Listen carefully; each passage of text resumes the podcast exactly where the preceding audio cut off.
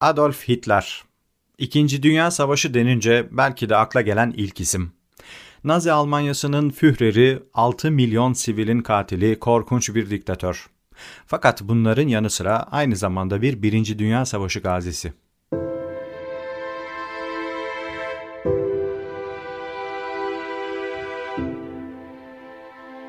1889 doğumlu ve aslen Avusturyalı olan Adolf Hitler 1913 yılında askerlik çağına geldiğinde Habsburg ordusuna katılmamak için Münih'e geliyor. İddiasına göre Avusturya Macaristan ordusunun karışık ırklı yapısı hoşuna gitmiyor. Fakat yetkililer onu savaştan 6 ay önce yakalayarak Salzburg'a getiriyor ve bir yoklamaya tabi tutuyor. Zayıf bir fiziğe sahip olan genç Adolf muayeneden geçemeyerek silah altına alınmaya uygun görülmüyor. Bunun üzerine derhal Münih'e geri dönüyor. İleride bütün dünyayı terörize edecek olan bu adam o yıllarda sanat işleriyle uğraşıyor.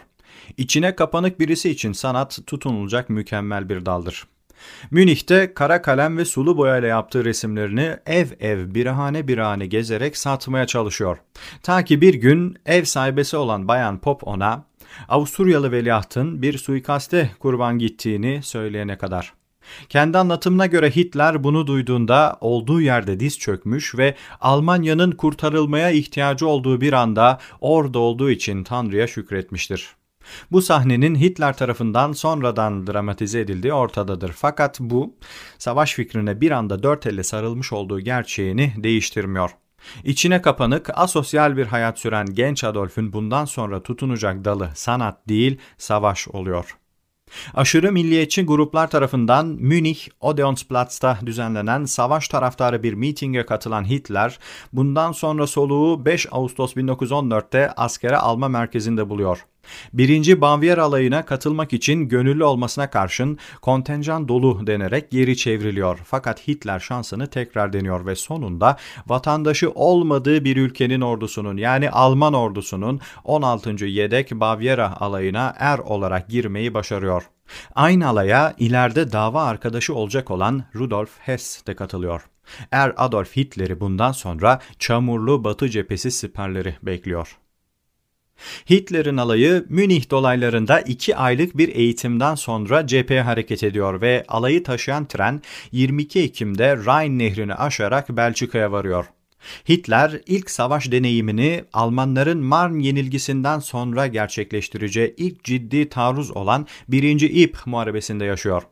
Cepheye gelir gelmez yakınına düşen bir İngiliz top mermisinden sağ olarak kurtulması da savaştaki ilk atlattığı badire oluyor. Bu arada eğer beni ilk defa dinliyorsanız Mar Muharebesi'nin detaylarını normal serinin 3. bölümünde, 1. İpr Muharebesi'nin detaylarını ise 13. bölümde bulabilirsiniz. 25 Ekim'de Hitler'in bağlı bulunduğu alaya saldırı emri geliyor ve alay Alman hatlarından 750 metre uzakta bir çiftlik evine ve etrafındaki koruluğa taarruz ediyor. Fakat bir yanlış anlaşılma sonucu koşan askerlere başka bir Alman alayı ateş açınca bir asker hayatını kaybediyor ve Hitler canını zor kurtarıyor. İki buçuk aydır varmak için can attığı cephedeki ilk deneyimi dost kurşunlarından kaçmak oluyor. Daha sonra aynı taarruz beş defa daha yineleniyor tipik Batı cephesinin inatçı taarruzları. Ve sonunda Almanlar süngülerle girdikleri İngiliz hatlarını ele geçiriyor.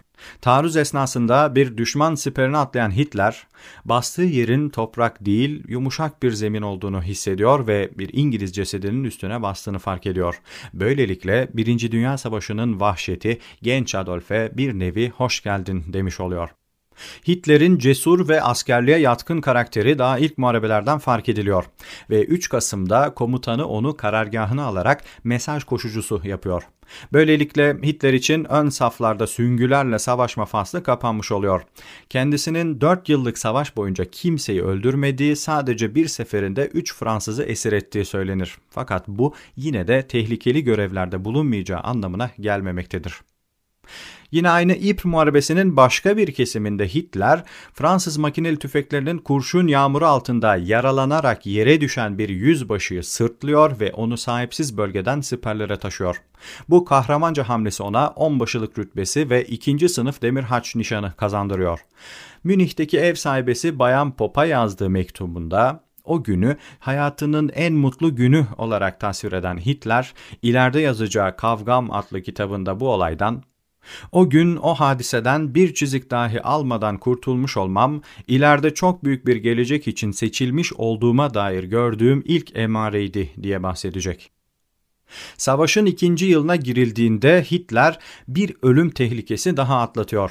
Yanı başına düşen bir bombayla birçok silah arkadaşı ölürken Hitler bir çizik dahi almıyor. Birinci İp, Somme, Arras ve Passchendaele muharebeleri de dahil Batı cephesinin neredeyse tüm önemli muharebelerinde aktif olarak görev yapan Hitler'in ölümden bu şekilde kıl payı kurtulduğu 5-6 tecrübesi daha oluyor. Bu noktada geleceğin diktatörü artık ölümsüz olduğu hissine kapılmaya başlıyor. Fakat 5 Ekim 1916'daki Somme Muharebesi'nde bir İngiliz bombardımanına açıkta yakalanıyor ve baldırına isabet eden şarapnel yüzünden yaralanıyor. O zamana kadar evini soranlara benim evim cephedir diyen genç Adolf aldığı bu yara yüzünden evine yani cepheye veda etmek zorunda kalıyor. Fakat tedavi için gittiği Berlin'de gördükleri Hitler'in hayatında bir kırılma noktası oluyor. Arkadaşları cephede insanlık dışı koşullarda can verirken askerlikten kaytaran Yahudilerin Berlin'de gününü gün etmesi genç Adolf'ün kanına dokunuyor. Her ne kadar bu doğruyu yansıtmıyor ve Yahudiler de en az Almanlar kadar askerlik yapıyor olsalar da Hitler'in zihnine ilk nefret tohumları atılmış oluyor. Berlin'de biraz iyileştikten sonra Münih'e geçen Hitler cepheye dönmek için can atsa da geri çağrılması 1917 Mart'ını buluyor. Fakat döndüğünde o hiç kimseyle bir derdi olmayan, düşman esirlerine bile iyi davrandığı söylenen, ağzı var dili yok adam gitmiş, yerine çabucak sinirlenen ve her fırsatta Yahudilere sövüp sayan bir adam gelmiştir. Bu noktada hatta arkadaşları tarafından bilerek Yahudilerle ilgili sohbetler açıldı ve Hitler'in eğlence amaçlı kışkırtıldığı bile söylenir. Bunlar dışında cephe hayatında Hitler sigara ve alkol tüketmeyen, arkadaşlarının sıkça uğradığı genel evlerini iğrenç bulan, boş zamanlarında kitap okuyan, resim çizen ve ekseriyetle yalnız takılmayı seven bir askerdir. Evinden ve ailesinden pek bahsetmeyen Hitler ara ara Münih'teki ev sahibesi Bayan Pop'la yazışmakta fakat bunun dışında fazla bir mektup alışverişinde bulunmamaktadır. Sadece cepheye ilk geldiği zamanlar Münih'teki mahalle fırını ona bir seferinde güzel tatlılarla dolu bir kutu yollamış. Hitler bunun için teşekkür etmiş fakat kendisine bir daha yazmamasını söylemiştir. İnsanlarla sosyal ilişkiler kurma konusunda zararsız fakat anormal sayılabilecek davranışlar sergileyen Hitler'in cephedeki en yakın dostu İngiliz siperlerinden koşarak geldiği düşünülen başıboş bir köpek olmuştur. Adına küçük tilki anlamına gelen Fuchs dediği köpeği onun adeta can yoldaşıdır. Bir keresinde cepheler arası trenle yolculuk yaparken bir Fransız demiryolu görevlisi köpeğiyle ilgilenmiş, ona satması için 200 mark teklif etmiş fakat Hitler bu köpeğin benim için değeri 200 değil 200 bin marktan bile fazladır diyerek teklifi geri çevirmiştir. Fakat aynı tren yolculuğunda resim çantasıyla beraber köpeği de kaybolmuş ve Hitler köpeğini çalan kişi için daha sonraları bunu yapan domuz bana neler yaptığının farkında değildi demiştir. İnsan bu noktada acaba köpeği çalınmasaydı diye düşünmüyor da değil. Berlin dönüşü hali hazırda tuhaflaşmış olan Hitler bu olaydan sonra derin bir üzüntüye kapılarak daha da tuhaflaşıyor ve arkadaşlarıyla Yahudiler konusundaki sözlü tartışmaların dozunu arttırmaya başlıyor. Hatta bir noktada işin fiziksel kavgaya kadar gittiği bile söylenir. Zaten savaşın sonlarına doğru Alman komutanlarının Yahudi karşıtı söylemleri de artmaya başlıyor. Bu komutanlar Almanya'nın sırtından bıçaklandığı söylemiyle muhtemel bir yenilginin sorumlusu olarak Yahudileri görmeye başlıyorlar. İkinci Dünya Savaşı'nda yaşanacak olanları düşününce Perşembenin gelişi çarşambadan belli olmuş oluyor. 1918'e yani savaşın son yılına gelindiğinde Hitler yine bir mermi yağmuru altında zor bir mesaj iletme işini başarıyla tamamladığı için bu sefer birinci sınıf Demirhaş nişanına layık görülüyor. Savaşın başında aldığı ve daha yaygın olarak dağıtılan ikinci sınıf demir haş nişanına nazaran bu, subay olmayanların nadiren alabildiği bir nişandır. Fakat bu ödülü alması için karargaha tavsiyede bulunmuş olan komutanın bir Yahudi olması olayın yine ironik bir boyutudur. Zaten Hitler daha sonraları bu nişanı bir Yahudi sayesinde değil, tek seferde 10 Fransızı esir ettiği için aldığını söyleyecektir ki hiçbir kaynak böyle bir olayı doğrulamaz.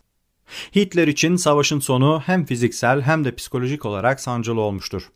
13 Ağustos 1918'de İngilizlerin uyguladığı bir gaz saldırısında gözlerine hücum eden hardal gazı yüzünden geçici olarak görme yetisini kaybeden Hitler, o zamanlarki tabirle körler hastanesine yatmış ve savaşın bittiğini, Kaiser'in tahtı terk ettiğini hastanedeyken öğrenmiştir. Rivayete göre iyileşmiş olmasına rağmen bu haber üzerine aşırı derecede öfkelenen Hitler bir histeri krizine girmiş ve gözleri ikinci kez kapanarak bir 10 gün daha açılmamıştır. Onu muayene eden doktor bu ikinci körlüğün sebebinin tamamen psikolojik olduğunu söyler. Bunların yanı sıra zehirli gazlarla ilgili yaşadığı bu acı deneyim ve arkadaşlarında gördüğü korkunç manzaralar ileride Hitler'in 2. Dünya Savaşı'nda en azından cephede zehirli gazlara mesafeli durmasının sebebi olarak açıklanır tarihçiler tarafından. Başından sonuna kadar aktif olarak yer aldığı Birinci Dünya Savaşı'nda Adolf Hitler, o günkü normlara göre cesur bir asker olarak görev yapmış, herhangi bir disiplinsizlikte veya itaatsizlikte bulunmamıştır. Zaten kendisi de savaş yıllarından her zaman iftiharla bahsetmiştir. Verdiği hizmetlere göre aslında Hitler'in daha yüksek terfiler alması gerektiği fakat resmi olarak bir Alman vatandaşı olmamasından ötürü bu terfileri alamadığı söylenir. Olayın bir başka ironik boyutu da budur. Savaşa er olarak başlayan Hitler 4 yıl boyunca tek bir rütbe atlayarak onbaşı olabilmiştir. Hatta bir iddiaya göre Hitler'in sadece bir onbaşı oluşuyla ilgili şöyle de bir hadise vardır. İkinci Dünya Savaşı'ndan önce Yahudi bilim insanlarını ülkesine davet eden Türkiye Cumhuriyeti ile Hitler arasında bir sürtüşme yaşanmış ve her bir rütbesini muharebe meydanlarında kazanmış olan Mareşal Gazi Mustafa Kemal Atatürk Hitler için bir onbaşı beni cinayetlerine alet edemez demiştir. Fakat tekrar ediyorum bu sadece bir iddiadır. Böyle bir sözün söylenip söylenmediğini kesin olarak bilmiyoruz. Özetle Hitler sanatçı ruhlu fakat sosyal yönden silik bir karakter olarak girdiği Birinci Dünya Savaşı'ndan bir özgüven patlaması yaşayan güçlü birisi olarak çıkmıştır. Almanya'nın yenilgisinden ötürü yaşadığı gurur kırıklığı daha savaş bitmeden yerini öfkeye bırakmıştır. İlerleyen yıllarda dünyayı belki de tarihin en karanlık günlerine götürecek olan nefret dolu ırkçı ideolojilere sarılan Hitler kendini bu ideolojileri yaymaya adayacaktır. Gerisi zaten malumunuz. Umarım dinlerken keyif almışsınızdır. Bir başka bölümde görüşmek üzere. Hoşçakalın.